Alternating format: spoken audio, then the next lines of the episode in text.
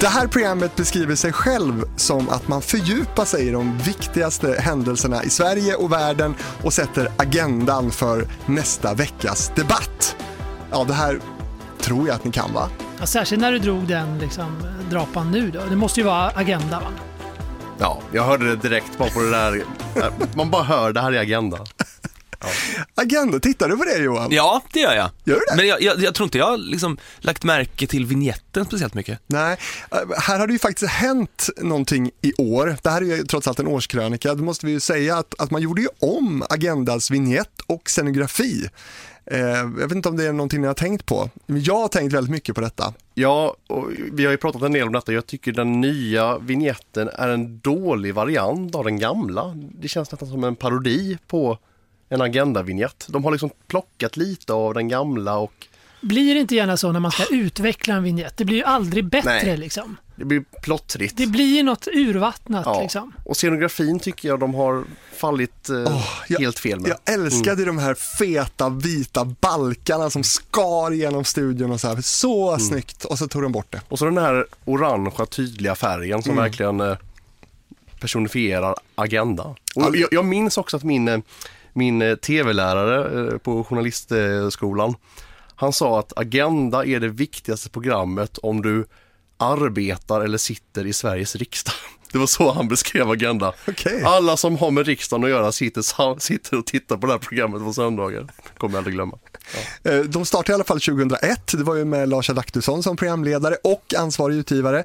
Men det är många som har lett det här programmet. Adaktusson började eh, och han var ju också den enda programledaren under många år. Men sen har det varit Karin Hübinette och Anna Hedenmo och Anders Holmberg och nu då Camilla Kvartoft också har ju lett eh, de här programmen. De flesta har gästat TV-fabriken för övrigt, inte Anders Holmberg dock. Eh, och så har vi Morgonstudions Karin Magnusson som gjorde debut som programledare i år. Hur tycker ni att hon passar i, i programmet? Har inte sett. Nej, jag jobbade med Karin Magnusson på Aftonbladet, vad kan det ha varit, 2012, då var hon debattchef där. Och eh, sen, det var, det var väl när Jan Helin gick till SVT som han värvade över henne. Eh, och jag fick aldrig ihop den ekvationen måste jag säga. Men, men jag tycker hon, hon, är, hon är habil, men Camilla Kvartoft tycker jag är liksom bättre. Sen kan det vara att jag, jag inte gillar förändring överlag. och att, Som människan är mest. ja, ja, nej men Karin är väl duktig, men jag ser henne mer som en skrivande journalist på något vis. Simon, vad tycker du om förändring? För, föränd- o- om, man har, om man jobbar tillräckligt bra så kan man se till att saker och ting går bakåt. Ja, nej. Ja, nej, men, ja. nej men för mig är Anna Hedenmo är nog liksom min agenda Ja, hon är programledare. Tror jag. Men jag tycker faktiskt Karin eh, Ja, hon bra. passar jättebra i Agenda faktiskt. Nike Eh, Nylander gör det jättebra också. Ja. Verkligen. Eh, Ja, mer om Agenda kan du i alla fall höra i TV-fabriken nummer 121 med just Lars Adaktusson eh, som var med och skapade det här programmet. Jaha, och vad är det här nu då? Är det en ny tradition? Ja, det vet vi inte, men här är den, den första årskrönikan där vi tittar tillbaka på det gångna året och tar upp det viktigaste som hänt under TV-året 2023. I studion finns Fredrik Jonsson. Johan Bengtsson, Simon Karlsson och jag heter Fredrik Rahlstrand.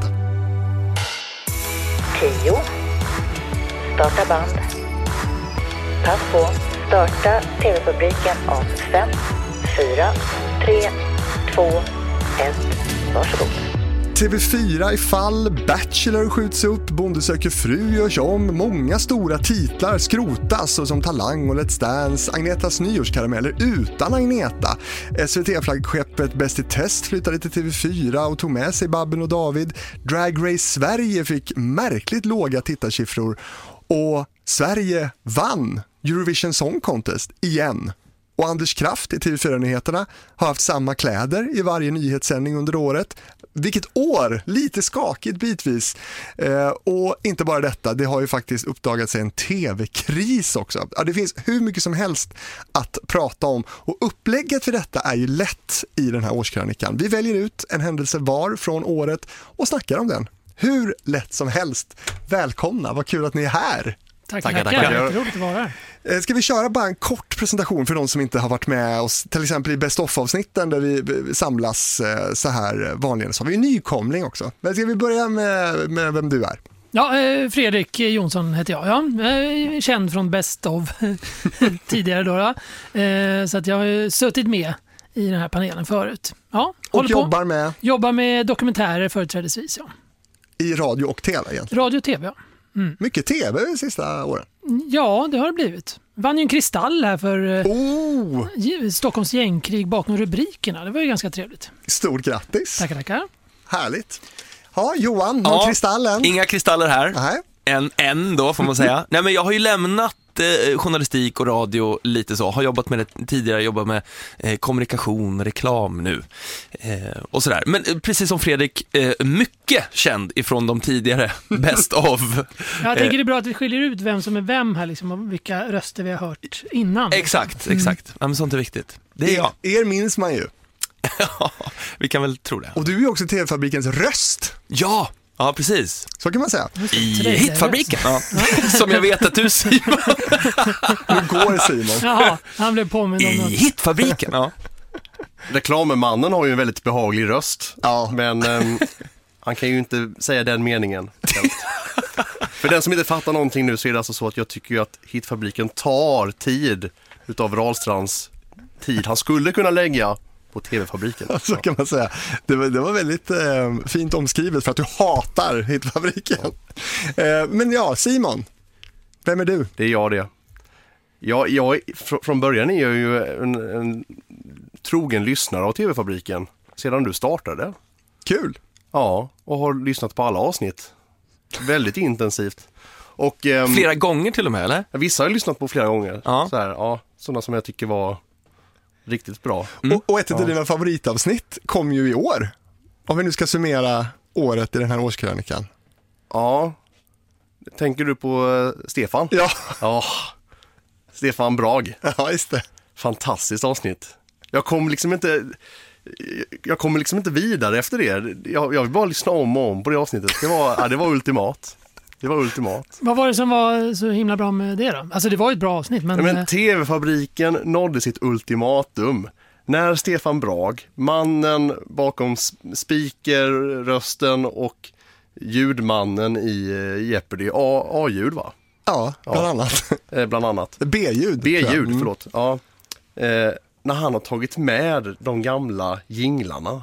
Ja, just det. Och spelar liksom upp dem i i avsnittet tar ta med sin dator lite lätt och spelar upp det här.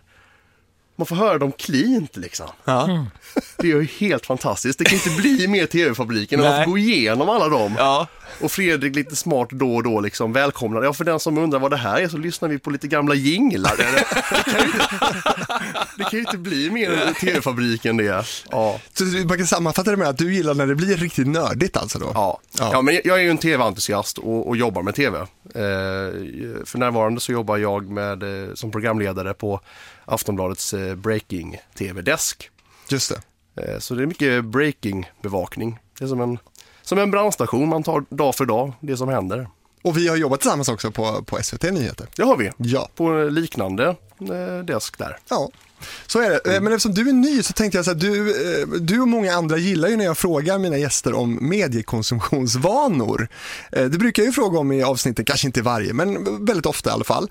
Och eftersom du då liksom är ny här för TV-fabrikens liksom, lyssnare så, så kan ju du få berätta om dina då, ganska, ja, extrema tv-konsumtionsvanor Simon. Ja, jag vill ju bli lika känd som Kristallenvinnaren och, och reklammannen här från eh, Best of-avsnitten. ja.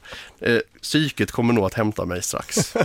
Nej men eh, jag konsumerar ju mycket, mycket media och mycket nyheter och gärna i tv-form och i radioform. Men det ser väl ut ungefär så här att jag på morgonen så tycker jag om att ha på ett morgonprogram på tv och det varierar mellan Morgonstudion som jag själv har jobbat med och Nyhetsmorgon. Det beror lite på. Är det på helgen så har man inget val. Då blir det Nyhetsmorgon. På vardagar blir det kanske mer Morgonstudion och jobbar du och sen nyheterna då blir det ju Morgonstudion. Ja. Mycket bra. Eh, men sen så är jag ju sån att under dagen så vill jag gärna ha lite bevakning av Norden. Så jag tittar ju alltid på en nyhetssändning från eh, eh TV2 News i Danmark. Som är liksom en halv public service-kanal kan man säga. Hur, hur kan den vara halv public Nej, service? Men de har reklam men de är samtidigt lite public service-finansierade. Jaha. Eh, sen tittar jag ju på TV-avisen på kvällen. Eh, det är, Och det är Dan- också danska. Dan- Danmarks största nyhetsprogram. Så att på kvällen är det ju väldigt intensivt. För då är det Rapport klockan 18. Sen, Nu lyser Simon upp här. sen 18.30 är det TV-avisen. Klockan 19 då är det TV4-nyheterna. Klockan 19.30 då ska jag gå in på Svenska Yle. För då är det TV-nytt.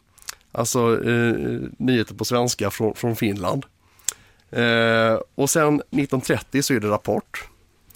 Och sen så klockan 20 då är det en liten paus där kan man säga mellan 20 och 21. Då får man göra lite vad man vill. Kanske diska eller någonting. Ja. Gå på toa. Gå på toa.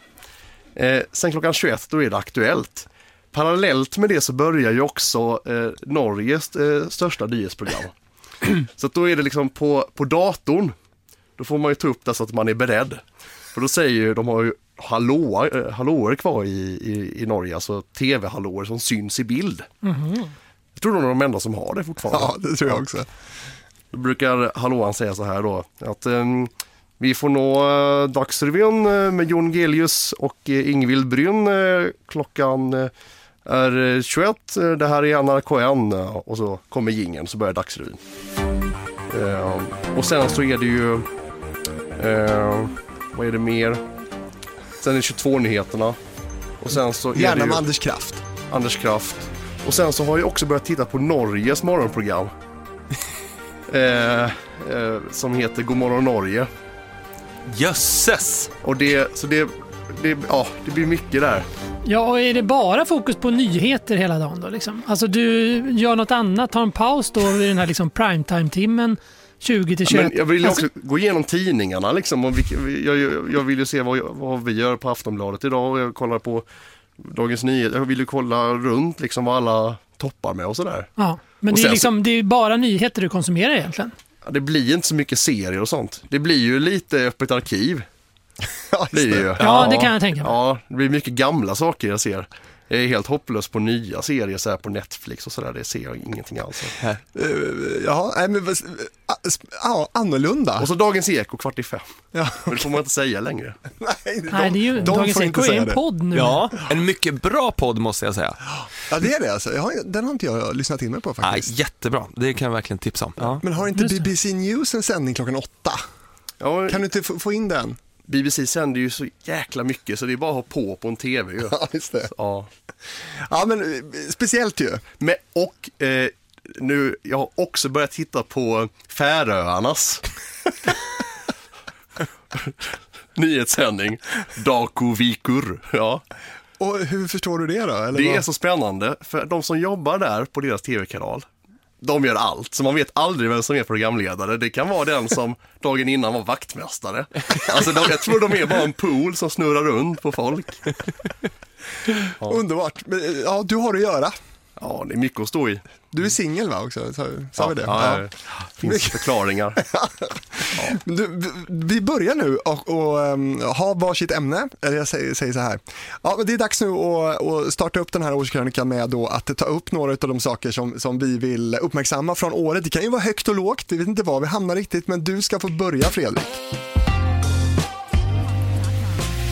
Tack för det. Ehm, Jag tänker att man ska riva av det här plåstret tidigt. Liksom. Det var ju på många sätt ett mörkt år liksom, i tv-branschen med Ja. liksom, kriser inom alla mediehus egentligen.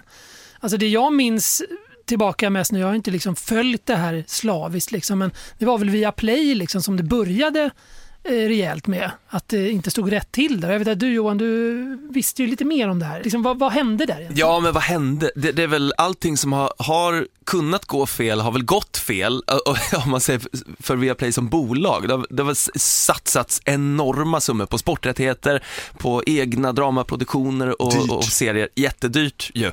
Eh, och sen så har det ju blivit en ekonomisk kris för bolaget och nu vill man ju ta in 4 miljarder eh, kronor från eh, både allmänhet och, och obligationsägare och sådär. Ja, men så, så det är ett, ett bolag i kris, så ser det verkligen ut. Eh, och det kan ju gå väldigt illa. Men de, det, de här serierna som eh, eh, Viaplay hade, liksom, har producerat, de har ju blivit produktionsstoppade. Och eh, det finns ju andra, nyligen kom ju nyheten att Netflix plockar upp Ronja Rövardotter till exempel. Eh, som, eh, som Viaplay hade på gång. Så att, eh, ja, vi får se om, om de här serierna som Viaplay producerar nu plockas upp av andra. Det där är intressant att det blir någon slags liksom reamarknad då på redan uppstartade projekt. Ja, exakt. Ja, det är lite Men spännande. förstod ni liksom direkt då när, när Viaplays förra VD sa upp sig och bara gick liksom? Förstod, kunde man då fatta att okej nu är det något på gång? Det är väl en varningsklocka känns det ju som. Mm. Så att det verkar ju väldigt skakigt. Och som jag förstod det var det mycket de här sporträttigheterna men det verkar ju vara mer än så då. Ja, precis. Ja. Eh, Det är nog lite allt möjligt där. Nej, för jag riktade in mig lite på eh, TV4 då, alltså, och vad som är krisen här och inte. Det är lite svårt att veta alltså, med de här nedläggningarna de har gjort. Det är ju liksom, så vitt jag har kunnat eh, återskapa här nu då, det är väl åtta program som man stänger ner va? Vad har vi där då? Det är Talang, Talang, det stämmer. Jag se om du kan de här, eh, Ja, men- Fredrik. Det kan vara Vi roligt. kan hjälpas åt. ja. Talang Parlament. Let's Dance, Parlamentet ja. Ja, allt stämmer so far. Men eh, Parlamentet känns som en billig produktion om man jämför med Let's Dance. Alltså varför lägger man ner Parlamentet? Det kanske, titta siffror kanske. Men vad, vad är det mer Det har ändå tuffat på i alla år. Alltså, Ja. om det är kristider då, då håller man väl i det som liksom Ja. funkar på något vis. Men det kanske inte funkar längre. Jag Nej. vet inte. De behöver Hans Rosenfeldt. Kanske. Ja, precis. ja, vad är det mer då? Vad, Ja, ni berättar för mig. alltså så- Bonde söker fru ska ju bli fiskare söker fru nu, hörde jag. Okej. Är du allvarlig? Ja, jo. Fiskare söker fru? Ja, att folk som jobbar inom fiskerinäringen. Du skojar? Nej, Jaha. det är det senaste. Det låter ju som Norges variant av programmet. Ja, men det, det har jag för mig. Jag blir osäker nu när ni går på mig här och ifrågasätter det här. Men jag trodde att det var att du skulle komma till, jag bara skojar. Nej, nej, det, det här tror jag att jag har läst. Vad har vi sagt? Ja, Bachelor? ni har sagt, för, ja, Ja, hälften rätt här. Bachelor har vi inte sagt va?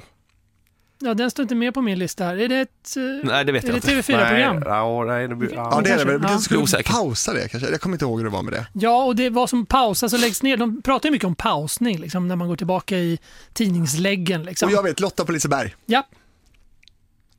Och en annan person någon annanstans. ja eh, eh, Carl Fredrik på Eklaholm. Ja. Österlen, ja. På Just Österlen. Ja, Men det ligger väl där. ja det, hans ställe heter det, just det. Då ska vi se, då har vi inte många kvar. Ja, Det är två som jag kan se här som ni inte har nämnt. Ja, men säg dem då. Wild Kids och Biggest Loser. Ah, Okej, ja. Ja. Det är stora titlar alltså. Ja. Ja, och jag tänkte så här, är det liksom, till att börja med kan vi diskutera vilka av de här programmen känns det som att ja, men de där kan vi gott avvara och vilka känns det som att det där var inte så smart att ta bort.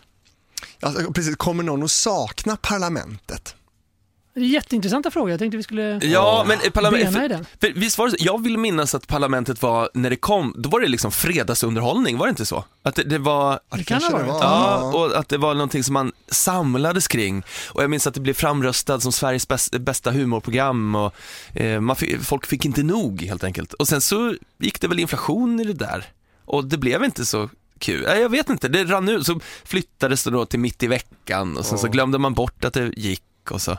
Men var inte det ett söndagsprogram i många Ja, det år? kanske var söndag då? Ja, För jag förknippade mycket med 21.00 söndag. Ja, det kanske det var. Det kanske det I var. något läge har det gått. Saknar man inte snacka om nyheter? Det var ju också söndag, ja, Ja, det var precis. var ju- Välkommen till Snacka om nyheter. Ja, det var bra. Verkligen. Vadå i vadå blir vadå? Ja. Verkligen. Vadå skulle locka vadå in i vadå? Frisör skulle locka Leisner så in i helvete.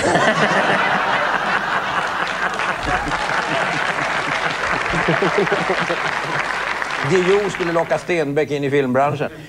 Sprit skulle locka flickor in i duschen är det rätta svaret. Parlamentet, det kanske finns så många andra skrattprogram. Så att det, Ja, förmodligen. Ja. Men eh, någonting som man eh, verkligen höjde på ögonbrynen över var väl ändå Let's Dance som har varit Ja. TV4s riktigt stora liksom helgflaggskepp och som har ju, ja, haft mångmiljonpublik. De har haft så här, två miljoner tittare liksom. Ja, och inte för att jag kommer sakna det, men som sagt rent objektivt så låter det ju konstigt att man eh, släpper det. Liksom. Mm. Och en liveprodukt, man, måste, man ska rösta, man måste göra det precis då vilket borde liksom gynna BC, alltså Ja. linjär tv i, i det. Men det kanske är just det, att de behöver något som funkar på play så man kan klicka på även veckan efter och året efter kanske. Och, Ja, ja. men det är det det pratas mycket om från eh, de här kanaldirektörerna och så vidare. Att man vill satsa mer digitalt så att säga. Bäst i test är väl ett bra exempel på det, Ja. något man kan starta, man kan se om liksom, säsonger och liksom så. Och i Norge så är ju Let's Dance, eller Skal vi danse som det heter där, Mm. eh, det är ju fortfarande jättestort. eh, Där. Och jag tror att de kommer fortsätta. Det pratade de om i Godmorgon Norge i alla fall. Men är inte det kul att Vår omvärldsbevakare i Norden. Ja, men, men är inte det här kul att, att de här programmen, eh, i Sverige så får de engelska namn här, Let's Dance och, och Masked Singer. I Norge då så är det Ska vi dansa och Maskorama. varför ska de, varför kan inte vi översätta dem till Ja. svenska titlar? Bra fråga. Ja. Danskarna brukar ju vara pigga på att ha mycket engelska låneord och så. Ja. De, håller de också på och danskar till titlar? Vet, du det? inte. Nej, Sänder de Let's Dance i Danmark? vet inte. Nej. Men jag vet att BBC kör ju fortfarande Strictly Come Dancing, såg jag i veckan här på något sätt, något klipp. Men det är intressant det här vad de här nedläggningarna beror på. Liksom. Alltså är det den här eh, på något vis eh, tv-krisen som vi ser eller är det andra, andra faktorer då? För det man säger då från TV4s håll är ju vi måste göra plats för helt nya program. Till exempel. Billigare. Ja, men vilka program är det då? Vad, vad, har vi sett, vad har vi sett för nya program mer än att man har då tagit över liksom Bäst i test? Och vad är billigt?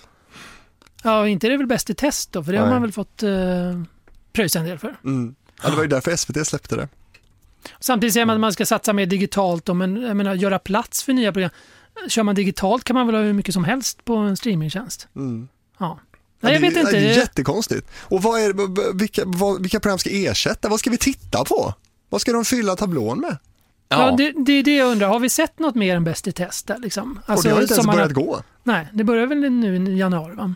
Jag vet inte. Det kanske blir ännu fler repriser av Hem till gården. Ja, det kanske är mer repriser ja. Eller repriser av Halv åtta hos mig. Det brukar de Hela Sverige bakar säsong 5. igen. Det, jag, jag blir spontant lite rädd, jag vet inte vad ni känner om det, för TV vill ju liksom, i spåren av alla andra kanaler som finns och trenderna, det ska gå snabbt och, och eh, ja men alla sociala medier, att man tar influenser därifrån och tar liksom TikTok-profiler och Instagram och YouTube-profiler och stoppar i TV och sen att man lägger ner de här klassiska formaten som man har kunnat samlas kring och så skapar man nya format som ska liksom möta den publik som annars hänger på YouTube och då är jag rädd att det blir helt fel. Alltså lo- locka tillbaks en ung målgrupp till TV, det, det känns liksom läskigt på något vis. Det kan bli vad som helst för att det känns inte som att TV kommer kunna göra YouTube bättre än vad YouTube är. Liksom. Förstår ni vad jag menar? Det kommer bli som en Ja. halvmesyr som inte ens den här unga målgruppen kommer söka sig till. Nej, precis. Mm. Har, har vi inte redan sett de eh, effekterna och resultaten? Att det inte funkar Ja, särskilt ofta. Liksom. nej, jo. Men jag tror att man, eh, jag vet inte om man inte vill se det liksom, eller eh, blunda för det på något vis. Nej. Det, Det känns som man måste locka hela familjen, är det inte så? Alltså om man, om man ska prata så stora helg, he- stor helgunderhållning. Det blir ju mycket, nu har jag en tvåårig dotter hemma och då slår man ju på någonting som passar, då passar inte Postkodmiljonären riktigt bra, även fast jag vill det, då passar Masked Singer, sådär. Fångarna på fortet funkar ju. Fångarna, ja kanske för en tvååring, ja det är tigrar och sånt där med. Ja, ja, inte längre. Inte men, längre. Aha. Funkar inte. Va- Varför ska jag då se på det? Skojar. Var det kortväxta? Just det. ja, jag vet inte om vi kommer längre här eller om vi kan liksom lösa de här knutarna riktigt. Eh, Men kan vi inte konstatera bara att det blir väldigt spännande att se vad vi ska få titta på? Ja, verkligen. Och Och, hur- och, hur det här liksom lösas. som man då uppenbarligen eventuellt då, satsar alla kort på, eh, bäst i test. Hur kommer det bli? Det skulle jag vilja eh, bara kort diskutera. Alltså, vad tror vi om det? Går det bara att översätta till ett TV4-upplägg liksom? Ja, Det, är- det, spontant känns det väl bara som att det kommer vara exakt likadant. Ja. Men det blir lite andra profiler och så, eller? Vilka är det? Maria Lundqvist va? Och, Vi bläddrar. Ja. I den nya panelen. Musti Mauri naturligtvis. Ja, såklart. Eh, Johan Pettersson, Partaj-Johan där. Mm. Maria Lundqvist. Eh, Charlotta Björk. Och sen... Eh, Det är någon som jag inte vet vem det är. nej, jag vet inte heller. Är det någon TikTok-person? Insta har jag skrivit. SVT har jag skrivit. Okej, ja. Breros Badre. Känner vi till honom? Ja, det är han som är kompis med Anis Don Demina. Ja. Demina. Ja, precis. Eh, ja, det är de jag har eh, noterat. Jag har aldrig förstått storheten i Bäst i test. Va, har ni det? Ja, jo, men det har jag nog. Först en studio och sen klipp till och sen de står i något garage och ska hoppa säck och så eh, klipp tillbaks och så burkskratt ovanpå. Äh, Ja, jag har sett ett avsnitt. Ja, Va? Ja. Ja. Och det var bara för att Janne Andersson var med. ja, ja. Ja, Men, ja. det, men det är väl för att du har fullt upp med Färöarnas... Ja, nej, jag tittar ju på... Nu framstår jag ju som... Jag tittar ju på annat också såklart. Det var ju det jag försökte få ur det här, men vi konstaterade ju att det var mycket nyheter och nästan bara Men, det nyheter. blir, ja, men om man är journalist blir det mycket nyheter. Ja. nej, men eh, eh, jag har heller inte förstått storheten i det för att jag... Dåliga midsommarlekar. jag, jag, jag fastnar inte för det. Nej. Vuxna människor som larvar. Ja, precis. Då är det bättre med 24 karat. Ja. 24 karat, kom så kastar vi loss 24 karat, kom och tävla med oss Alltså, det är ändå när man pratar om 24 karat med folk, eh, kanske då i vår ålder eller äldre eller sådär. Eh, finns ändå någonting kring det. Varför tar de inte upp det? Hade det inte varit kul att ha en, en 2024 års variant av 24 karat? Det behövs inga planeringsmöten, det är ju bara att köpa in lite grejer och köra. Eller hur? 24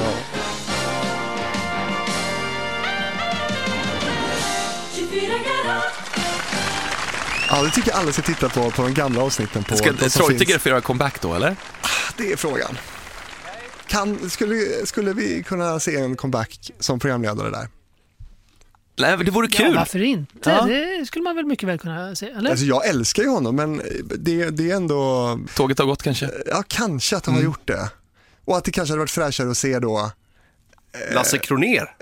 ja, och honom är så, ja, jag vet inte, vem skulle man ha? Det kommer ju bli någon Anis Don Demina-figur i så fall. Alltså det kommer ju bli någon you- youtuber liksom. ja, Det är ju men, den trenden man ser väl. men jag hade ändå velat ha en, en straight programledare ändå. Alltså typ en David Hellenius typ. Mm. Ja, hur som helst, ja, vi får se, det kanske, det kanske kommer tillbaka. Kan det göra det? Jag tänker så här, nej, Nej. nej, det tror jag inte. Nej. roligt namn, 2024 karat. Ah, kul. Måste man ju bara skapa det bara där. 20-24 karat. Ja. Ja. Man vinner 20 guldtacker. Wow. Ja, men, det, alltså det, men det, idén, vi kan ju skratta åt det här, men idén är inte dum. Alltså dels så försökte de ju verkligen eh, kombinera liksom trams underhållning med liksom lite tester och sådär. Och framför allt det programmet som, som efterföljde 24 karat, det vill säga Rena rama sanningen, det var ju som en mix mellan konsumentjournalistik och underhållningsprogram. Eh, det skulle passa jättebra i SVT. Ja. Fram med det! Yes. Ha, eh, något mer du vill tillägga Fredrik? Nej, jag tror att jag är ganska nöjd där. Fint. Och då är det min tur eh, att eh, blicka tillbaka lite och jag tänkte prata lite grann om pris. Nämligen eh, Adam Alsing har ett pris. Visste ni det? Ja, men det är Ja. för du har sagt det till mig. Okej, Ja, samma här. Ja, men det är då någon slags till minne då av, av den här stora tv-mannen som, som mycket tragiskt gick bort då under eh, coronapandemin. Och det här priset då instiftades efter tv-profilen Adam Alsings död och det var ju tänkt att lyfta fram människor och initiativ som verkar för laganda och allas lika värde då främst i mediebranschen. Eh, och i år så har man för tredje gången delat ut det här eh, Adam-priset och motiveringen i år var att 2023 års mottagare av priset föredrar alltid att lyfta andra framför att framhäva sig själv. Genom sin ständiga entusiasm har han räddat många svåra situationer och han är inte rädd för att lära sig nya saker. Även under motgångar har hans professionalitet och arbetsglädje alltid varit ett starkt skinande ljus i alla produktioner. Och han beskrivs också i motiveringen som snäll och varm och lyhörd, empatisk, noggrann, omtänksam lagspelare. Ja, vilka lovord! Eh, priset för det här då, det är att man får 25 000 på kontot. Eh, och priset gick då till en doldis i branschen, nämligen Daniel Meyer som jobbar på Meter Television med produktioner som Mästarnas Mästare och Kockarnas Kamp. Och då får vi säga grattis och välkommen till TV-fabrikens årskrönika då, detta skinande ljus som alltså heter Daniel. Hur känns detta? Ja, men tack snälla. Ja, men det känns ju såklart eh, superfint. Eh, Jag är ju jätteärad, lite, lite jag säga, generad för alla de här fina orden och den här super, super eh, fina nomineringen eh, som har skrivits och som jag har, har fått pris för. Mm. Jag är jätteglad och tacksam och ärad. Ja, det är ver- verkligen fin motivering. Vad skulle du säga liksom gör då en, en bra projektledare i tv? Jag eh, skulle säga att det är att man har stor förståelse för eh, såklart andra människor och alla i teamets arbetsuppgifter. Att man vet vad som krävs för att göra vad som krävs i, för att hela teamet ska liksom kunna prestera. Eh, och att man själv har inställningen att ens egna funktion är att se till att andra kan göra sitt jobb bättre. Mm. Men du, alla som har varit i närheten av, av någon tv-produktion, kanske större tv-produktioner som, som du jobbar med, vet ju att det kan vara ganska tuffa puckar och sådär. Hur, hur orkar man att vara då ett skinande ljus i alla produktioner? Jag har ju haft turen att, eller turen, jag har, jag har haft turen att under alla mina år haft väldigt, väldigt fina kollegor och eh, redaktioner och eh, ja, människor runt omkring mig som har liksom lyft mig och hjälpt mig. Alltså det är ju en, det är ju absolut att jag som har fått det här priset men det är också på ett sätt en team effort. Mm. Mycket tålamod gissar jag också. Du, vad har du för relation till Adam då, Adam Alsing? Eh, Jag kände inte Adam personligen, men jag har ju varit i branschen i många år och liksom, det är ju slående hur gott alla pratar om Adam, både innan hans bortgång och efter så är det, liksom det, det är den, en av de personer som man hör absolut finaste ord om under alla åren som jag har varit här. Så att det, det är ju liksom, han har ju varit med i, i periferin i hela mitt yrkesliv. Eh, vilket är väldigt inspirerande och fint och gör att det känns extra hedrande att, att få pris i hans namn såklart. Jag var i hans redaktion 2006 så var jag produktionsassistent på Junior Eurovision Song Contest där Adam eh, var programledare tillsammans med Agneta Sjödin och jag var relativt nyinflyttad eh, till Stockholm och jag var då relativt ny i tv-branschen. Eller jag var ny i tv-branschen och såklart supernervös eh, hela tiden. Eh, men jag minns att jag var så här Adam Alsing, han var ju superstor och känd liksom. Jag hade sett honom på tv hemma. Men så här, oj, jag var nästan förvånad över hur snäll och enkel och varm han var och inkluderande. Och att så här, det är inte så farligt med, med kändisar som, som, man, som man hade målat upp en bild av. Utan det var liksom väldigt enkelt och, och hjärtligt. Så det är ändå en, en, fint minne jag har från honom. Verkligen. Du, 25 000 spänn då, vad ska du göra med pengarna? Ja, nu har ju allt gått väldigt fort här. Jag, fick ju reda på det här eh, bara för någon dag sedan och så var det prisutdelning pang på det. Så jag har faktiskt inte riktigt hunnit smälta det än. Eh, jag ska, vad ska jag göra med dem? Så att jag får nog passa på den frågan. Ja, men du är ju ändå projektledare i tv och har ju koll då på tv-pengar. Kan du säga, vad, vad motsvarar 25 000 i en tv-produktion skulle du säga? Ja, bra fråga. Är det en steadicam en dag eller vad, vad handlar det om? Ja, men det kan man ju, ja gud, ja, det får man ju till för 25 000. Det är ändå en, en liten summa ska jag säga verkligen. Ja, men det, mm, ja, man kan hyra en bil och åka och spela in ett litet inslag en halvdag kanske. Med en fotograf och ljudtekniker. Sådär, äta lite lunch. Köpa någon flygbiljett kanske. Ja. Eh, Daniel Meijer, vi säger tack här och stort lycka till framöver nu. Tack. Nej, men tack för att jag var med. Tack för att jag var med. Men det vet ju ni också kanske att det har ju funnits andra tv-pris tidigare. Speciellt ett som jag vet att du och jag Simon har pratat om att vi borde återuppliva, eller hur? Ja, verkligen. Och det är ju Hylandpriset anno 1987. Väldigt bortglömt ju. Oerhört bortglömt. Det är väldigt synd. Och sen har det också funnits andra pris. Det har funnits ett Jakob Dalin-pris, eller ett stipendie egentligen. Eh, men visst vore det väl ganska passande om Sveriges största tv-podd delade ut ett tv-pris. Och Lennart Hyland var ju ändå Sveriges första tv-ikon ju.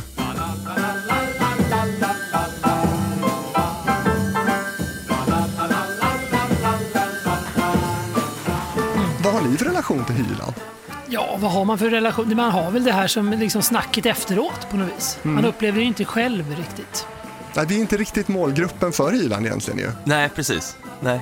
Vi lever i hans eftermäle. Ja, och det- det som är så synd är att många av Hylands hörna-avsnitten finns ju inte sparade eftersom att man använder de banden på nytt hela tiden för det var ju så dyrt med, med band på 60-talet så att det, det, det är mycket som inte finns sparat men det, han finns ju någonstans, hans själ finns ju i tv-huset och när man vandrar omkring där så känner man ju att att eh, han satte det som vi andra sen har försökt jobba vidare med.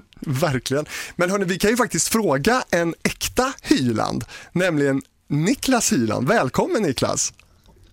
Hej, hej, tjenare! Du är ju känd från tv, du är tv-medarbetare och du är också då Lennart Hylands brorson och vi spelade ju ett, eh, för ett tag sedan in ett helt avsnitt om din farbror Lennart i tv-fabriken num- nummer 104. Yes, fint nummer, 104. Men du, vad säger du om det här med, visst borde vi liksom återstarta Hylandpriset, eller vad säger du? Alltså, jag tycker om det är på dina maner och ditt sätt att se på det här och du som har förmodligen den bästa helhetskollen i branschen vid det här laget. Så ja, jag, jag, jag skulle vilja ge dig den äran att dela ut Hylandpriset. Absolut. Och vi ska väl också säga det att det här var ju, och tack förresten, Vi- vi ska väl också säga det att det här var ju Lennarts önskan också, att hans pris skulle fortsätta delas ut även efter hans död. Så att det här är ju liksom för Lennart tänker jag. Ja, absolut. Ja. Nej, men att, och att du tog upp det, att du kom på det igen. Alltså, jag hade helt glömt bort det. Men sen kom jag på att ja, men okej, i slutet av 80-talet, början av 90-talet så delades det ut en hel del priser. Sen är ju det här med priser ganska svårt för alltså, eh, jag vet ju inte om jag tycker att den, den, den, den eh, mest folkkäre programledaren i TV är den jag tycker bäst om. Men å andra sidan, deras, respekten för deras kunnighet och att de kan locka folk är ju också, eh, har ju också ett stort värde. Det sista Hylandpriset delades ut 1996. Vet du någonting om, om varför det slutade och delades ut? Lennart dog ju 93 och jag tänker att tiderna förändrades och du vet ju de satte ju upp en byst på, utanför tv-huset med honom. Men sen fanns det ju, vad ska man säga, en, en, någon form utav, utav fulhet i att ha varit populär på hans sätt. För han var ju ganska dominant. Så jag tänker att alla som kunde få, få hans ära att minska något, det vill säga flytta in den där bysten i, i parken istället, lägga, in, inte ge de bidrag som kanske, eller den legitimitet som, som Hylandpriset hade. Eh, jag, jag tänker att det, det, det var en, en, en bakreaktion, som det ofta är på många liksom, framgångsrika, stora personligheter. Det här med att bysten flyttades in Simon, det gillar du inte? Nej, det har jag eh, länge förespråkat att den ska tillbaks till sin ursprungliga plats. För det var väl också en, en byst som, som tv-publiken var med och, och tog fram på något sätt. Och jag vet inte det var väl någon, ja, TV, tv-publikens Ja, eh, byst. Ja, och det var väl en insamling för, Ja. utav folket också. Va? Jag, jag, jag var med, jag var faktiskt med när den invigdes. Eh, och då var det ju liksom in, inte på tal om någonting annat än att den skulle stå där den stod. Och ursprungligen stod den då utanför en av entréerna. Då. Kontorshuset. Ja, Just det. precis. Det Mm. som kallas kontorshuset. Eh, bredvid Radiohusets parkering. Precis. Och så finns det väl en byst i Tranås också va? Just det, på Stora torget där. Är det Men samma? den brukar ofta ha Ja, det är samma byst. Och den har ju ofta eh, fågelbajs på sig så det ser liksom ut, som att han har frisyr för första gången. Liksom. eh, men, men i alla fall. Ja, men den är fin. Det, det är en fin byst. Men du Niklas, skulle du vilja vara med i ett, ett, ett råd kring detta eh, när vi då ska utse det här varje år? Mer än gärna. Absolut. Jag vill inte ha utslagsrösten men jag vill vara med och jag är gärna med och har infallsvinklar och tankar på vad som är skicklighet och vad som är, är annat i den här världen. Ja, Vad absolut. härligt. Och, och, finns, det finns det något som du skulle säga liksom, emot att vi gör det här? Behöver vi fråga någon mer? Finns det några rättigheter någonstans vi inte har eller så? Det tror jag inte. Jag tycker att eh, alla initiativ som, som någonstans leder, leder någonting med glädje och framåt eh, är bra grejer. Jag tänker inte att man behöver ha någon legitimitet i det. Eh, eh, jag tänker att du och, och, och ni då absolut ska få, få ha det här priset. Om inte annat så får man väl lägga till ett N inom parentes och aldrig använda det så, så är det ändå ett Hylandpris. Ja, men det låter ju fantastiskt. Då, då, då säger vi att då ses vi på det ny, i början av nya året här och på ett möte och startar upp detta helt enkelt. Ja, och jag är först med att lägga 10 000 i prissumman. Oj! Vad härligt, en applåd ja. Vad fint! Då ska jag ha på mig min Hyland-slipsnål som jag har när vi samlas. Okej, ja. aha, fint. Vad kul Niklas, då, då är vi på banan med detta och eh, ses nästa år helt enkelt. Ja, och det här var mitt löfte. Så glöm inte påminna om jag har dragit tillbaka det. Stort tack Niklas Hyland för att du var med. Ha en fin kväll. Ja, tack själva. Hej, hej. Hej. Hej. Hej. Ja, men ska, jag tänkte då, ska vi också gå igenom nu då vilka det var som fick Hylandpriset? Det kan vi göra. Får jag bara se framför mig? Var, var det en statyett man fick eller? Ja, Ja. de fick eh, en glasobelisk som nästan såg ut precis som tv-priset Kristallen. Jaha. Det är ganska sjukt att, att den är så lik. Ja. Hur länge har man delat ut Kristallen då? Finns det någon koppling där? Att man liksom snodde Ingen- konceptet eller? Ekis, är inte det typ 20, sedan 2005? Det är någon som har fått inspiration menar du? Eller? Ja. Precis, Mm. ja. Eh, var det från 87 man började dela ut Hylandpriset? Ja. Ja. Ja, okej. Ska vi köra en, så 87 här, till 96. en runda med bara top of mind vad vi tänker på när vi, när vi hör de här prisvinnarna då? Ja. Okej, då börjar vi alltså Hylandpriset 1987. Fredrik Belfrage först. Ja. Han blev ju väldigt skärrad i, vad var det, Atlanta-OS va? Det kan man ju förstå. Jag tror att de bombhotade TV-huset där och han tvingades meddela detta i direktsändning då för svenska folket. Det var jävligt starkt alltså. Jag minns det att eh, det, det liksom var gripande. Oj. Men sen är det ju också, ja, Godmorgon Sverige på lördagarna är jag väl känd för. Har inte varit med i TV-fabriken. Nej, han är faktiskt tillfrågad och är en av få som faktiskt har tackat nej.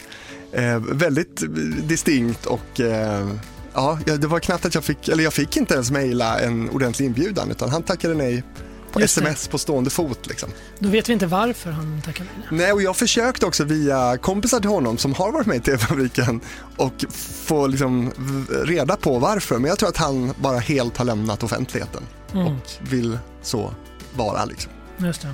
Får vi acceptera någonstans ju. Ja. Okej, 1988 då. Kjell Lönnå. Mm. Just det.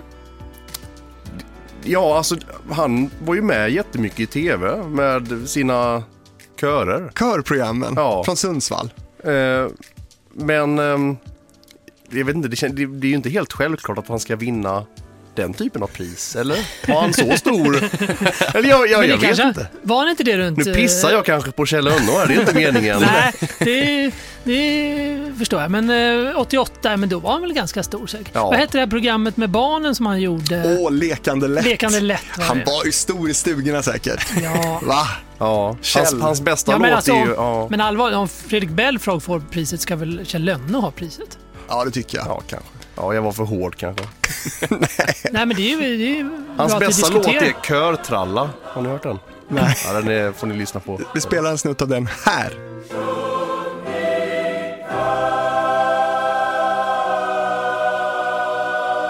Ja, trevlig bit.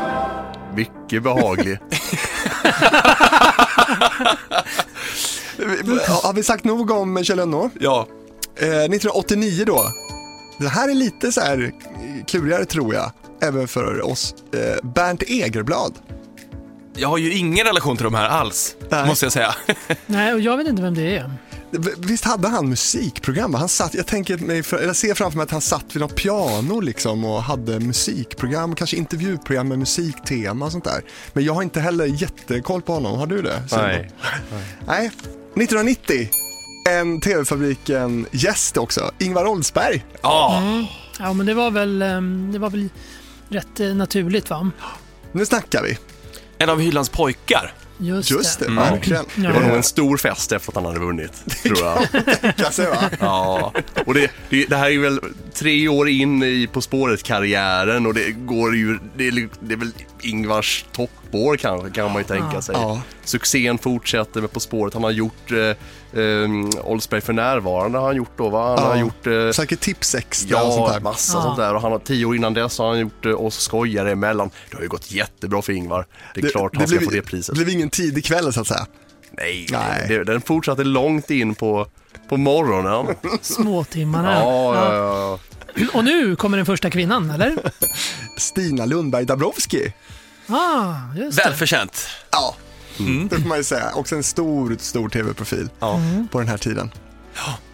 Stina som ju ehm, fortfarande funderar på om hon ska vara med i TV-fabriken eller inte. Det har hon gjort några år. Du får ju tjata över henne. Ja, vi måste ju det. Ja. Men vi har ju bollat lite fram och tillbaka. Jag har ju intervjuat henne för Just Svenska det. ikoner i eh, Sveriges Radio P4 då. Eh, och vi har ju jämfört de här mejlkonversationerna lite grann. och det går ju ändå linje, alltså med tanke på att det slutade bra för min del så tycker jag inte att du ska vara så orolig med det här lite kanske velandet i början här inledningsvis. Jag, vi får väl se. tycker, jag tycker att du ska pitcha in att du ska dit och träffa både Stina och Kjell. Ja, jag håller precis med dig Johan, så jag testade den, eh, den ingången om, om hon inte ville liksom göra det med, med Kjell också, för de har jobbat mycket ihop och liksom har gjort mycket tillsammans. Eh, och då svarade hon som PS, smart tänkt med Kjell, han vill garanterat, men oss ihop, tveksamt. Men du får ju höra av dig till Kjell, förstår du nu. Du, Ja, men då kanske inte hon vill vara med, tänker jag. nej. Så att nej, jag väntar på Stina. Jag vill Mm. ha Stina först. Det kommer nog lösa sig. Jag tror att hon är, hon är lite, alltså hon har ju haft väldigt svårt själv att få eh, gäster genom åren. Alltså det har ju varit hennes grej att liksom övertala de här riktigt svåra eh, intervjupersonerna. Liksom. Mm. Så att jag tänker att hon kanske vill ge lite motstånd själv också. Mm. Att det ska minsann inte vara så lätt. Liksom. Nej, det är det ju sannerligen inte efter de här åren då jag har försökt. Men Ja, vi får kämpa se. på. Tack. Eh, 1992, Leif Loket Olsson. Ja, Mm. självklart. ja. Det är en liten förebild för, för just dig Simon, va? Ja, Ja. ja. men eh, alltså Hyland, Arne Weise och Loket och Olsberg. Där har du ju liksom... eh, Där har, om jag hade blivit inbjuden till, ni vet det här eh, god kväll, mi- middags... eh, ja. När man ska bjuda på middag. Ja. Då hade jag haft dem. Vad hade du lagat då? Eh, det hade varit Wallenbergare. Ja, såklart. Ja, vad Mm. gott. Det hade uppskattats, tror jag. Skirat smör. Ja, visst. gott. Nej men... eh, Fläsklägg hade de gillat. Ja, det, ja rotmos. Ja. Eh, nej men det är väl självklart, det, det är också sån där, ja men klart att han ska få det priset. Ja, Och alltså, då har ju Bingolotto sänts eh, ja, några år. Ja. Och har ju blivit en stor succé. Det, det man inte eh, tänker på idag var ju nog tror jag hur enorm som Leif Loket Olsson var på den här tiden. Alltså han var ju större än allt alltså. Han var så folkkär, alla älskade honom och förutom Bingolotto så gjorde han ju travprogram, han gjorde ekonomiprogram, han gjorde auktionsprogram. Alltså det har ju lite, lite fallit i glömska. Bredden här. Men stämmer den här myten att Bingolotto började lokalt i Göteborg och sen när det skulle sändas nationellt, då fick han ett erbjudande då? Ja. Antingen får du en, en, en lön liksom så, eller så får du en liten procent av alla lotter vi säljer. 50 öre per lott han 50 få. öre per lott. Och han valde då det först Ja. nämnda. Han trodde Men inte det- på det själv riktigt. Nej, han- Men det är svårt att veta, det hade ju inte gjorts något liknande. Liksom, och, eh, det är ju lätt i efterhand naturligtvis att liksom, se att det där borde du ha gjort. Men eh, vad ska man säga? Ja. Det, han kunde inte spå in i den Nej, såklart inte. spåkulan. Liksom. Vi drar på Synd om 1993. Kristin Kaspersen. Oh, men och, mycket värdig vinnare tycker jag. Ja, Men då Då var hon ung. var hon ju liksom nykläckt typ. Hur gammal var hon? men måste ändå ha 93? hunnit göra någonting då på TV4 kanske, eller? Ja, hon gjorde ju det här uppdraget som var en del av programmet Stora famnen som, som TV4 hade. Just det. Eh, och han, hon hade gjort eh, en del program på TV3 innan och hade också tror jag jobbat en del som vädertjej, väderflicka, får man säga så? På eh, norska TV3. Eh, så att hon, det här var nog hennes första stapplande grej, år liksom. Ja. Ja, henne, hennes röst blir man ju bara så, det är som balsa, alltså det det är liksom trygghet att höra henne leda ett program. Hon är så trygg och så proffsig tycker jag. Verkligen. Och hon har ju också naturligtvis bjudit in till TV-fabriken. Hon måste ju vara med. Om inte annat så är, kan vi ju prata om då, hon själv uppmärksammade detta på sin Instagram nyligen, att, eh, att det är 30 år sedan hon vann just Hylandpriset. Eh, och reflekterade över det själv, så det får hon gärna lägga ut texten om i ett avsnitt här framöver. 1994, Maj Fant. Mm, just det, också ett TV4-namn va? Mm. Kommer ni ihåg? Nej, det, det måste jag erkänna att jag inte gör. Nej. Nej. Hon var väl liksom, hon hade en talkshow på TV4 som var så här, eh, ja, innerlig kvinnlig talkshow, pratade om mjuka frågor, typ så. Var det bra? Jag kommer inte ihåg så mycket, jag var lite för ung också då Mm. tror jag för just de Så det typerna var av ju program. under den tiden då man liksom började upptäcka TV4 med liksom allt från direkt från Berns och liksom allt det här som rullade liksom och reklam som var så spännande att se. Ja, men vad tyckte du om reklamen där Ja, men då Jonsson? var det ju såklart eh, spännande. Alltså jag hade ju aldrig någon tillgång till andra reklamkanaler som TV3 eller liknande. Eller det fanns väl bara TV3 då som eh, alternativ. Så att för mig var det nyhetens behag naturligtvis. Men My Fant, kan vi göra en kort googling på det? Vi- Visst var hon, hon var också någon så här, hon var inte programledare utan hon var... Socionom, författare och journalist. Ja, hon var journalist Står det också. här, Okej, ja. ja. Nej men, eh, ja, My Fant i alla fall. Ja. Pristagare 94. Bra namn, bra artistnamn. Verkligen. Mm. Tydligt. Och 1995 fick Lasse Berghagen Hylandpriset. Fina Berghagen. Ja. Mm. Och där har vi ju en, en man som tackade för sig i år ju. Ja. Just det. Året som gick. Men han kände sig också som att här hade han ju tagit över Allsång på Skansen eh, och det hade ju absolut inte liksom, nått några succénivåer som det skulle komma att eh, liksom, landa i. För när skedde det alltså? Är det i samband med Ricky Martin-året eh, då du själv jobbade med det? Ja, det skulle, det, då pikar väl Allsången Ja. ändå. Det är väl då det blir liksom folkligt och liksom bl- bland alla, alla åldrar och så vidare. Nu blir jag osäker, tog han, hade han tagit över Allsången Han började 95? väl 94 va? Ja, det är okej, okay, bra. Mm. Ja, alltså det här priset verkar ju ligga väldigt kloss på nya liksom, genombrott och liksom, lanseringar på något vis. Eller? Jo, jag menar, ja, jag menar, Kaspersen kan ju inte ha hållit på länge. Loket, alltså, jag blev Nej. lite chockad att Bingolotto höll på så tidigt, men det gjorde det kanske förstås. Men, Jag tror det började 90. ja, han, fick, han fick det 92. 92. Men, men Lasse Berghagen, vad hade han mer gjort i TV som gjorde att han förtjänade TV-priset? Vad, är motiver- vad var motiveringen? Ja, det, vet ju ingen. Nej, nej, men det är, ja, det är återigen där jag känner att det saknas någon, ja. Vi styr upp det här. Jag tycker inte det är helt självklart att vinna ett TV-pris bara så. Nej, det ska, det ska något mer Ja. till tycker du? Mm. Nu kommer jag in på Kjell Lönnå här igen, nu blir jag lite Fan, negativ. du, här. du stör dig på Kjell Lönnå just nu. Ja, jag vet inte, det, det, men det är någonting med musiker och TV här, jag vet inte. Ja, okej, det- Men vi, vi måste dra vidare. Ja. Eh, 1996 då, sista året man delar ut eh, Hylandpriset so far, eh, gick det till Lena Liljeborg. Får jag också googla. Och där har vi svaret varför man slutade Ja, dela nej, ut. men alltså, hon var ju Nej, naturprogramledare va? Hon, hon var, gjorde så här naturprogram tror jag på SVT. Mm. Eh, och hade en jättehärlig röst minns jag. Sådär. Men jag är inte, det är inte jättetydligt för mig ändå. Eh, och hon försvann ju sen. Där har vi ju ett VHS alltså. Vad Mm. hände sen? Lena Liljeborg. Jag undrar var hon har eh, priset någonstans. Det kanske står i ett skåp eller? Ja. ja. Verkligen. Och då titta på det. Mm. Va, vad har vi på Lena Eh, Liljeborg? eh, jo, hon har då varit programledare för Mitt i naturen, där var det på det, och Nova står det. Och så står det att hon är, bo- Nova minns man. Ja, ja. hon är bosatt i Sveriges i särklass bästa stad. Norrköping. Oj! Så är det. Men Nova Fick var, vi in det, den också? Ja, Nova var det lite vetenskapsprogram va? Lite, så här, lite... Ja, men det var det? Ja. Men vad härligt, då hade vi hela listan då från 87 till 96 och då är ju frågan vem som ska få priset 2024 och den frågan får vi då be att återkomma till. Ja, men vill man redan nu liksom eh, bolla lite grann, vad, alltså, vad ska man ha uppnått och så vidare. Nu fick vi ja, lite ledtrådar hur det har sett ut tidigare och vilka som har kammat hem det då. Ja, Men vad ska vi liksom... Ja, men inga nykomlingar tror jag vi alla är liksom lite överens om. Utan det, man måste ha gjort sig förtjänt av ett renodlat tv-pris. Det går inte Ja. att vara artist och göra en säsong av något eller två och sen så, eller? Ja, men jag håller nog med alltså, att man eh, får liksom ha försökt eh, jobbat upp någonting. Liksom, att man visar att man eh, håller ett tag. Ja. jag, jag har filat lite på vad som skulle kunna vara liksom någon slags motiveringsgrund. Eller så, så får ni se, säga vad ni tycker. Spännande. Eh, så här har jag skrivit då.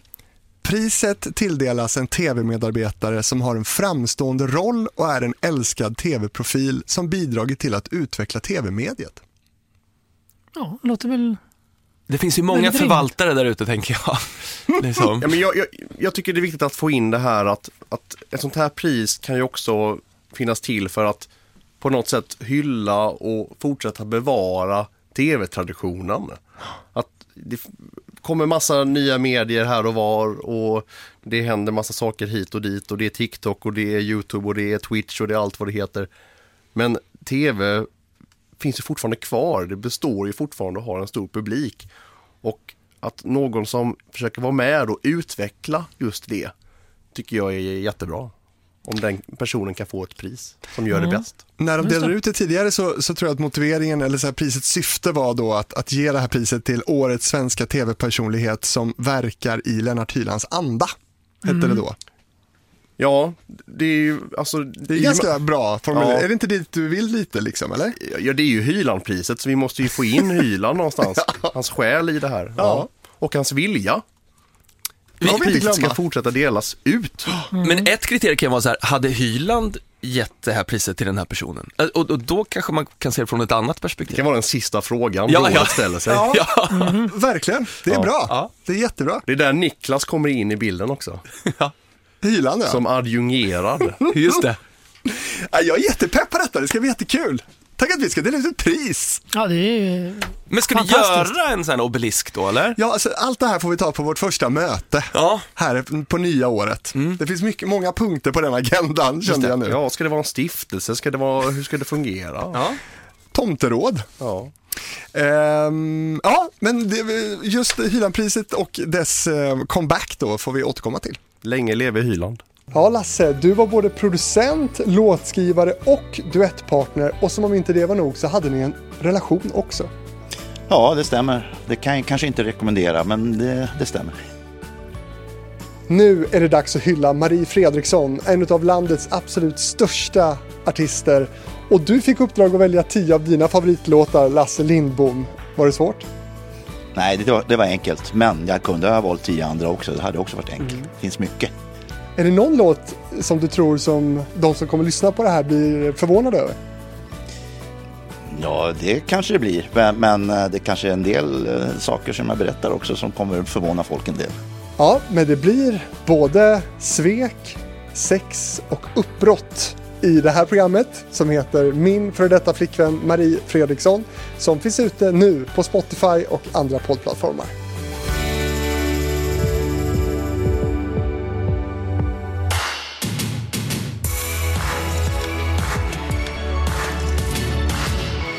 Okej Johan, då går vi vidare. Det är din tur. Eh, om du då får blicka tillbaka på tv-året 2023. Ja, precis. Eh, Jag ska prata om en av de största fenomenen och institutionerna vi har i svensk tv-historia. Va? Eh, Det har ju varit tradition från 1935, inte i tv, utan det var 79 som det började sändas i, i tv. Det är då Allsång på Skansen. Oh. Ja, det, nu, nu värmer det inombords på er. Nej men precis, en stor nyhet i år det var ju att Allsången fick en ny programledare, Pernilla Wahlgren, som också är klar för en andra säsong. Bra, Ja. mycket bra. Vad tyckte ni om eh, Pernilla i, i liksom premiären? Såg ni på det? Nej, jag har inte följt det faktiskt. Nej. Mer än eh, liksom i bruset runt omkring. Men det var inte så att jag bänkade mig. Jag har inte sett Allsången i år. Nej. Nej, nej. Jättebra. Var, vi, var det premiären vi var på Simon? Eh, ja, det vågar jag inte Nej, jag svära osäker på. nog. Jag tror Men- det var tidigt på säsongen i Ja, alla det- fall. tidigt på säsongen som vi var där, absolut. I publiken alltså. Ja, Jag tycker hon är liksom klippt och skuren för denna roll. Ja. Varför har du inte tittat på Allsången? Nej, jag vet inte. Det... Jag har inte känt ett behov. Nej, skärpning. Skärpning Jonsson där. kollar så här, nej det är inte Bosse Larsson, nej då, nej, då går jag inte dit. Precis. Nej men apropå Bosse Larsson då, det har varit en, en, en drös programledare genom åren. Eh, Det känns som att Allsången är lite liksom vår James Bond, så, så här, vi- vilken är din favorit? Och det känns som att många har liksom en, en egen preferens där. Eh, Jag tänkte, jag går igenom listan på vilka som har varit så får ni då liksom säga till om, om det är en, en favorit. Får vi hela listan nu? Ja men jag tänker att jag börjar från att de spelade in TV va? För, för det var ju Bosse Larsson som tog det här till TV. Från radio, antar jag. Eh, ja, Eller? det kanske Från sändes TikTok. på radio, det vet jag Jaha, inte. det kanske inte ens sändes. Nej, jag Nej, tror att det utan här det- bara Ah, var som en det kan- konsert. Ja, ja, det kan det ju ha varit. Ja. Det var Sven Lilja och Egon Kärrman som, som liksom började väldigt analogt. det är för oss främmande att någonting sker utan att det liksom Nej, televiseras. Nej, liksom, jag bara att tänkte det är så mycket som går från radio till tv sådär och liksom eh, har börjat där på något vis. Det- Hylands hörna till exempel. Ja, ja, ja exakt. Och, så att jag, jag tänkte bara så. Men allsång är väl något som verkligen kan ske utan att det ska sändas ut. Ja. Med välmött på Skansen en blommande kväll Ja, här har vi allsång på gång Alla har lystrat till samma appell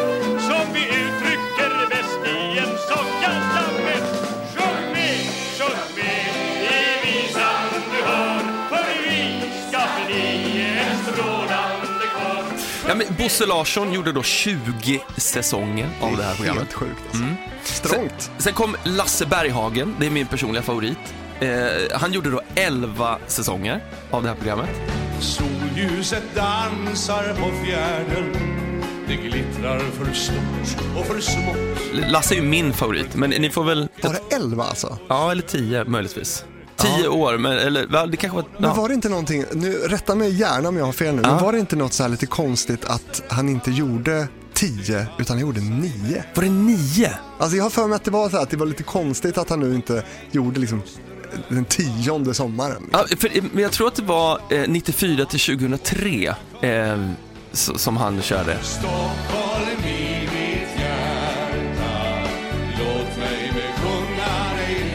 Men, var det inte en, liksom en halv säsong på slutet? Eller Ja, något sånt där märkligt? Ja, jag har alltså Anders nio och en halv det. då? Ja, det här Anders känns som- praktikant. Eh, ex- exakt. Just det. Ja, det är något konstigt Ja, det vilket haveri. Men, men någonting i den stilen. Sen, sen kommer då Anders Lundin.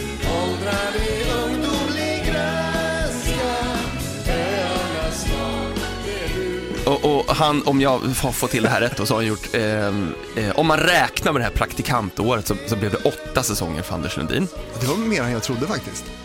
Eh, Eller vad ja. jag kommer ihåg. Liksom. ja, precis. För, för det är sen, det här är ju då liksom trenden jag ser. För sen, nu går det ut för. Var ligger vi då i tid? Är vi inte framme i nutid nästan? Nej, Jo, jo inte. ja, men i princip. För sen, sen kommer ju då Måns Zelmerlöw. ja.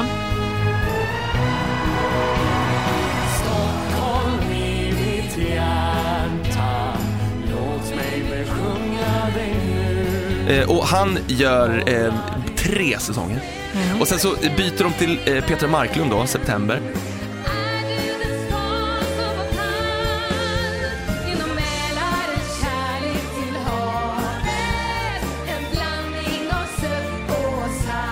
Som gör två säsonger. Eh, och sen så kommer Sanna Nielsen och roddar det här i hela sju säsonger.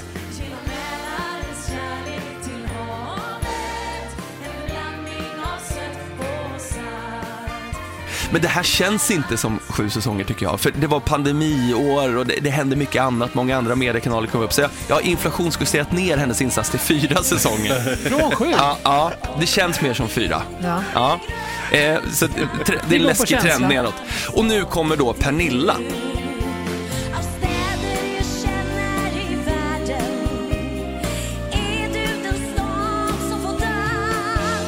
Men den här trenden tycker ju jag är lite obehaglig. Speciellt när vi haft ett sånt här år med mycket krig och skit och turbulens. Och det, man, man, som medborgare är man nedtryckt i skorna, det är ekonomisk kris och det, det är allt möjligt. Då behöver vi kontinuitet. Va? Det, det är min spaning. Eh, och jag tycker samma sak med julvärderiet. Det var någonting när Weise satt där. År ut och år Att det in. var samma. Och nu går det inflation. Nu, David Batra ska sitta i år va? Jag, jag, jag vill ha samma person, det är det jag säger. Mello tycker jag är jättebra att man byter, för det ska vara, det ska, då, då ska artisterna stå i, i, i centrum.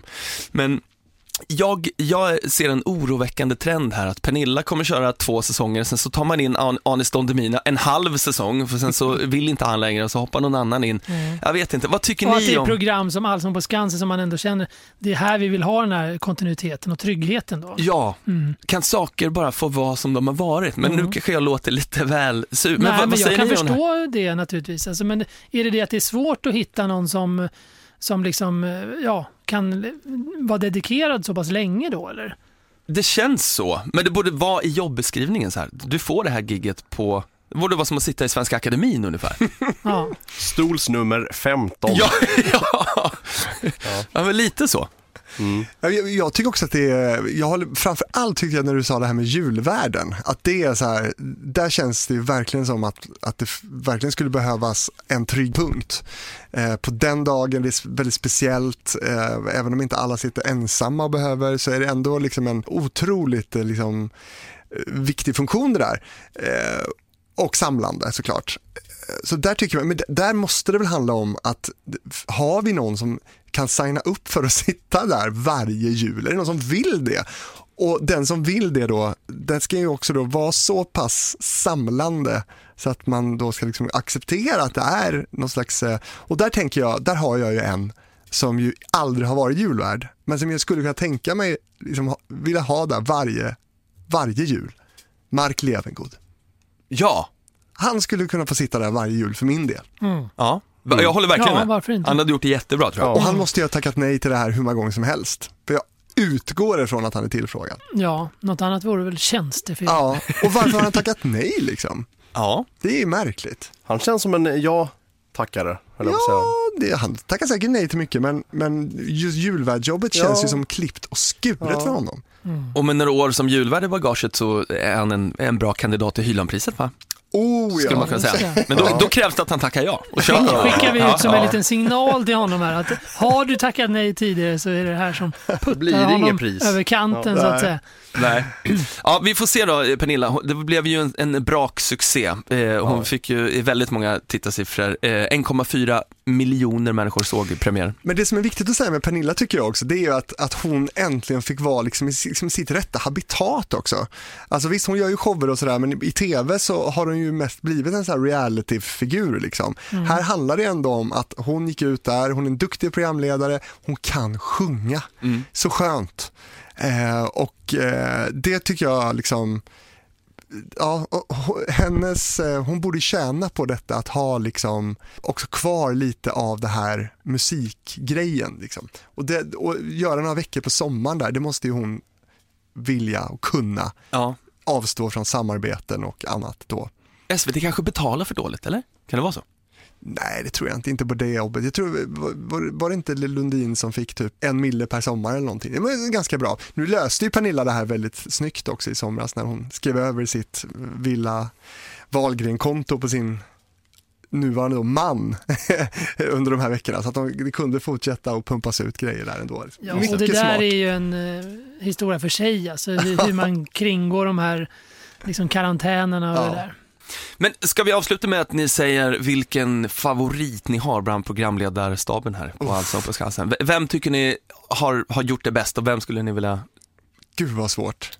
Alltså jag har ju redan avslöjat att jag inte är särskilt eh, insatt så kanske, så att jag har ju inte liksom Vem är minst dålig då?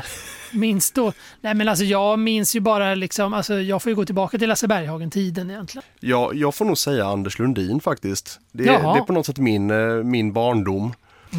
Jag har väldigt svårt att svara på detta, för jag tycker också att lite att Berghagen ändå var väl den som satte liksom tonen för den moderna allsången på något sätt. Hur mycket jag än älskar September, alltså Petra Marklund, så måste jag säga att det var ett väldigt märkligt val eh, av, av SVT. Eh, så att, eh, det kändes inte som att hon passade in där kanske. Kanske hon inte heller själv tyckte då eftersom hon bara gjorde två somrar. Men eh, ska jag slå till och ändå, för jag håller med dig också att Lundin var härlig tycker jag på den eh, positionen. Men jag, jag kanske ska säga Pernilla då, för jag tycker att hon, hon är eh, det som programmet behöver nu. Någon som kan sjunga och programleda och är en så här uppväxt i showbiz liksom. Jag Ja. säger Pernilla. Ja, hoppas hon blir kvar. Härligt det. Då ska vi eh, gå till dig Simon. Ja, nu är det dags för sista ordet. Ja, det kan man säga. Ja, på många sätt. Eh, nej men det här är ju ett, eh, en grej som har kommit upp under året och apropå Lasse Berghagen så blev ju det här eh, eh, aktuellt. För i samband med att Lasse Berghagen eh, går bort, så väldigt kort tid därefter, bara någon, kan det vara bara någon vecka efter, det var ju nä, väldigt nära inpå hans död i alla fall, så gick ju eh, TV3 eh, via Play ut med ett pressmeddelande om att eh, Mark Levengood, som vi nämnde här innan, har spelat in eh, en hemlig intervju med Lasse Berghagen för cirka ett år sedan, alltså under 2022. Trevligt. Trevligt. Ett speciellt tillfälle är det. Och det här blev ju då alltså den, den sista intervjun med Lasse Berghagen som sändes efter hans död. Och jag, kan, jag kommer inte fokusera så mycket på själva det, eh, det programmet i sig utan mer själva konceptet. För det här är ju någonting som har figurerat i, i, i andra länder. Alltså att en person intervjuar kända personligheter och att det sen sänds efter personens död. I Danmark finns det väl till exempel Fredrik? Det vet jag inte, men jag vet att det brittiska Ja. namnet är ju mycket mer fyndigt. Ja, just det. Det heter ju Famous Last Words. Mm. Det är kul. Och kommer du ihåg Johan att vi satt och spånade poddidéer och tänkte just på den här idén att man skulle spela in en intervju som sen då villkorad att det skulle släppas efter döden. Liksom. Nej, det minns inte jag. Ja, Någon vi- slags vi- dödsruna då? Ja, vi, har, nej. vi har spånat på det här. Jaha. Jaha. Eh, och sen fick jag, hörde jag talas om att, att det här, liksom då, eh, flera år senare, att det här fanns på något sätt. Ja. Utomlands då? Ja, Mm. eh, och att, att det nu då skulle spelas in i, i Sverige Mm. under stort hemlighetsmakeri. Liksom. Och konceptet då är ju att eh, det är väldigt få som känner till det här. Eh, man skriver under kontrakt att eh, det här ska inte avslöjas, det här sänds efter din död. Och det visar de också upp i, i avsnittet med, med Lasse Berghagen så får man se hur de skriver under kontraktet. Penna. Och kontrakt. Du signar kontraktet där. Ja, kära Lasse. Det här kontraktet, här står det då att du är medveten om att eh, programmet går efter din bortgång. Det står också att eh, allt det vi pratar om, allt material från idag, kommer att bevaras på Kungliga biblioteket. Premissen är också så att eh, eh, det är väldigt få som, som hör det de säger. Det är eh, producenten och Mark. Men kameramannen styr allting utanför, hör ingenting. Ehm, så det är väldigt få även i liksom själva produktionen som hör intervjun som pågår ganska många timmar. Jag tror att intervjun med, med Lasse pågick upp i en sju timmar. Som man sen kokade ner. Herregud. Och allt det här råmaterialet då skänks sen till eh, Kungliga biblioteket där det förvaras. Och där kommer det ju inte att bli offentligt förrän om väldigt många år.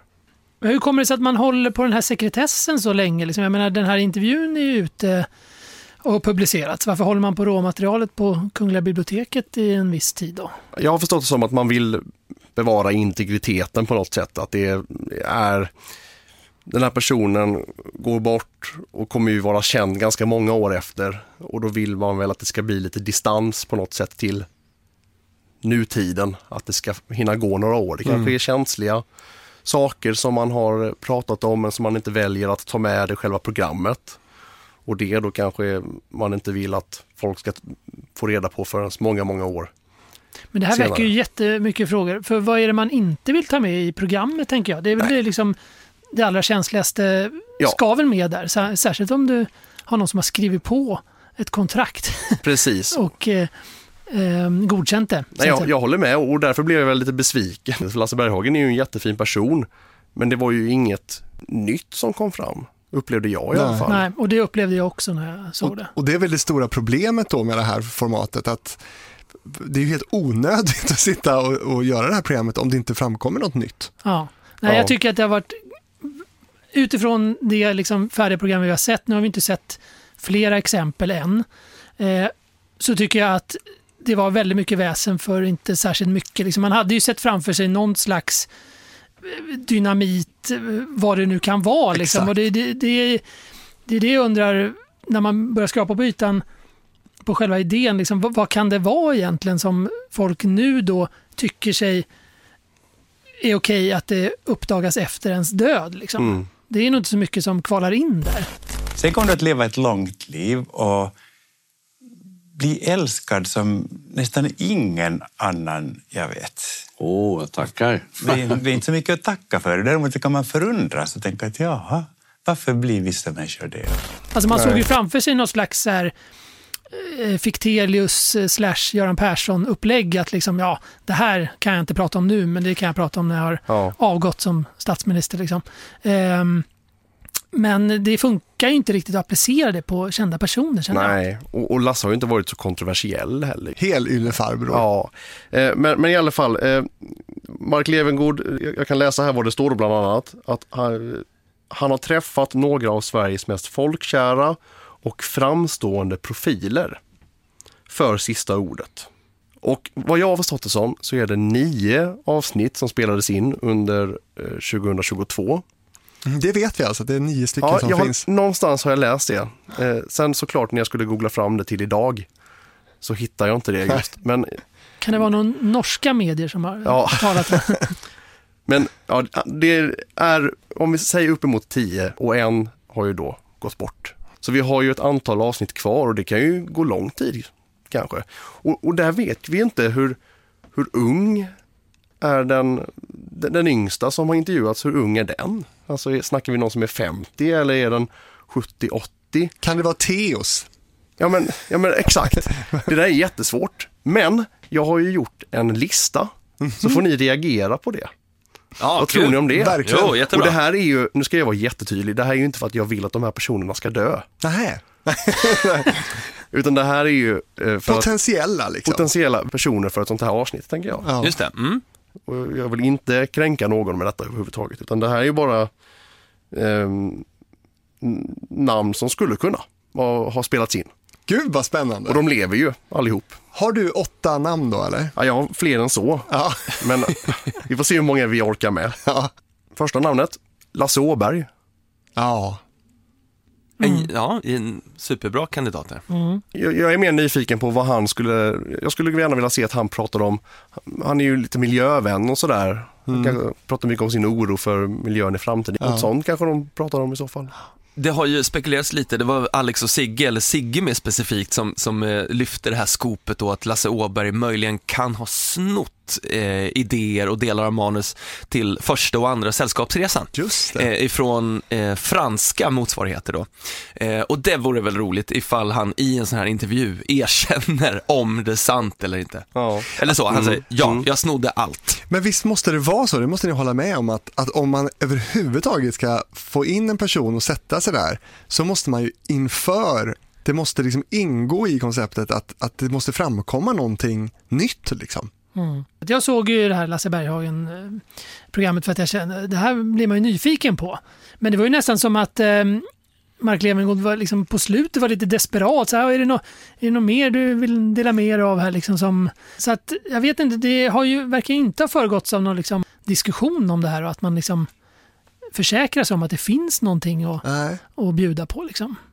Eller så backade han i sista sekund och ville inte bjuda på något mer när han väl satt Nej, där. precis. Mark kanske visste någonting som man... För sen är väl den stora grejen efter. att, han ska få de sista, just det sista ordet. Vad händer Ja, men då, då är det ju att, ja, det är väl på slutet eh, som eh, han ska få eh, göra en hälsning. Eh, och eh, då hör inte ens Mark vad han säger utan då får Lasse tala ur hjärtat. Och så är det bara han och kameran. Jag tror du måste in eh, lite fylla va, för att det ska bli intressant. Ja! Ja, att de sitter Ett och snabbt, spritbord. de, sma, de dricker brunsprit liksom, i, i sju timmar och sen så får han en, en, en ensam stund med kameran. Så klassiska knepen för alla intervjuer för att få folk att liksom Ja. lätta på... Ja, Ja, men det hade varit roligt, det hade inte varit en liten drinkvagn ja. Ja. Ja, Som i precis. Min sanning, liksom. det är inte fikat där utan vi Nej, just det. drar in Nu drinkvagnen kommer vi ta i en grogg halvtid. i, i halvtid. ja, Ja. groggpaus. Ja men det hade varit någonting ja, för att det finns något under, det finns en förväntan att man vill att de ska bjussa på någonting. Eh, och, och gör de inte det, varför ska man titta på det då? Ungefär så. Ja. För vi pratade ju om det här eh, Fredde innan, eh, ja, för några veckor sedan. Just det här, så här det här är via Play som sänder och så vidare. Eh, och du sa väl så här, varför inte det här är ett SVT-program liksom? Ja, det första, jag tror att det är det första Mark Levengood gör utanför SVT. Ja, dessutom det liksom. Eh, och det hade väl varit naturligt att det skulle sändas där och så. Men, men då var ju min reflektion, för då hade jag ju sett det här. Då var det så här, ja men SVT har väl tusen motsvarande intervjuer som de kan bara plocka upp och lägga på play liksom Ja. när, när det väl står klart att Min sanning Lasse har gått bort. Ja, precis. Liksom. Alltså, För det skiljer sig liksom inte från en annan intervju. Liksom. Men det ska bli väldigt intressant att se ja, när, när vi har liksom nästa person på tur då. Ehm, nästa namn då. Mm. Eh, Kristina Skolin. Ja, Ja, Jättebra. Ja, visst. verkligen. Man undrar ju också hur det är att få ett sånt samtal. Ja. Att, Ja. att liksom, frågan om det här programmet liksom. Mm. och hur många som har tackat nej. Och, Ja, och sitta i den här intervjun, det var ju mycket det man tänkte på när man såg det, känner jag. Också hur de la upp det med att liksom, jag vände mig lite grann över det här greppet att Mark Levengood då skulle fråga liksom, vem, Vem var Lasse Berghagen Var och sådär. Lasse Berghagen? Eh, alltså att det på något vis skulle, redan där skulle man få känslan av att han har gått bort och, och så vidare. Men det blir väldigt konstigt när han sitter där livslevande och det här har spelats in. Jo men det är väl det som är USPen. Liksom. Hade de gjort det som ett vanligt Min sanning då hade det ju inte liksom Jo, men det räcker ju inte långt. Liksom, att Nej, man bara... det, men det är, de greppar väl efter halmstrån Ja, här. risken är att det är så. Ja. Ja, nej, som sagt, väldigt intressant att se hur det här programmet eh, utvecklar sig då. Men vi har fler namn. Men. Kristina Skolin, absolut. Ja, Ja, absolut. Ja. Eh, sen, nu vill jag veta vad ni säger här. Kan en politiker vara med i ett sånt här program? Ja. Eller? Jo, det måste det väl kunna Ja, vara. Men då tar jag, jag, för jag har tre politiker på listan, men jag säger alla på en gång tänker jag. Mm. Eh, Göran Persson, Carl Bildt, Ingvar Carlsson. Ja. Mm. Ja, klockrent. Ja, alltså mer de första två känner jag. Ja, fick- och det vi väger in i den här listan är väl också vilka så här är potentiellt sett tillfrågade nu också för att de har en ansenlig ålder och Ingvar Carlsson är ju han är väl äldst av dessa Ja, här. Mm. ja. Mm, ja. Så att jag tycker, Han fyllde ju 90 nu va? Ja, det är så pass. Ja, tror jag. Det, det skulle väl absolut funka.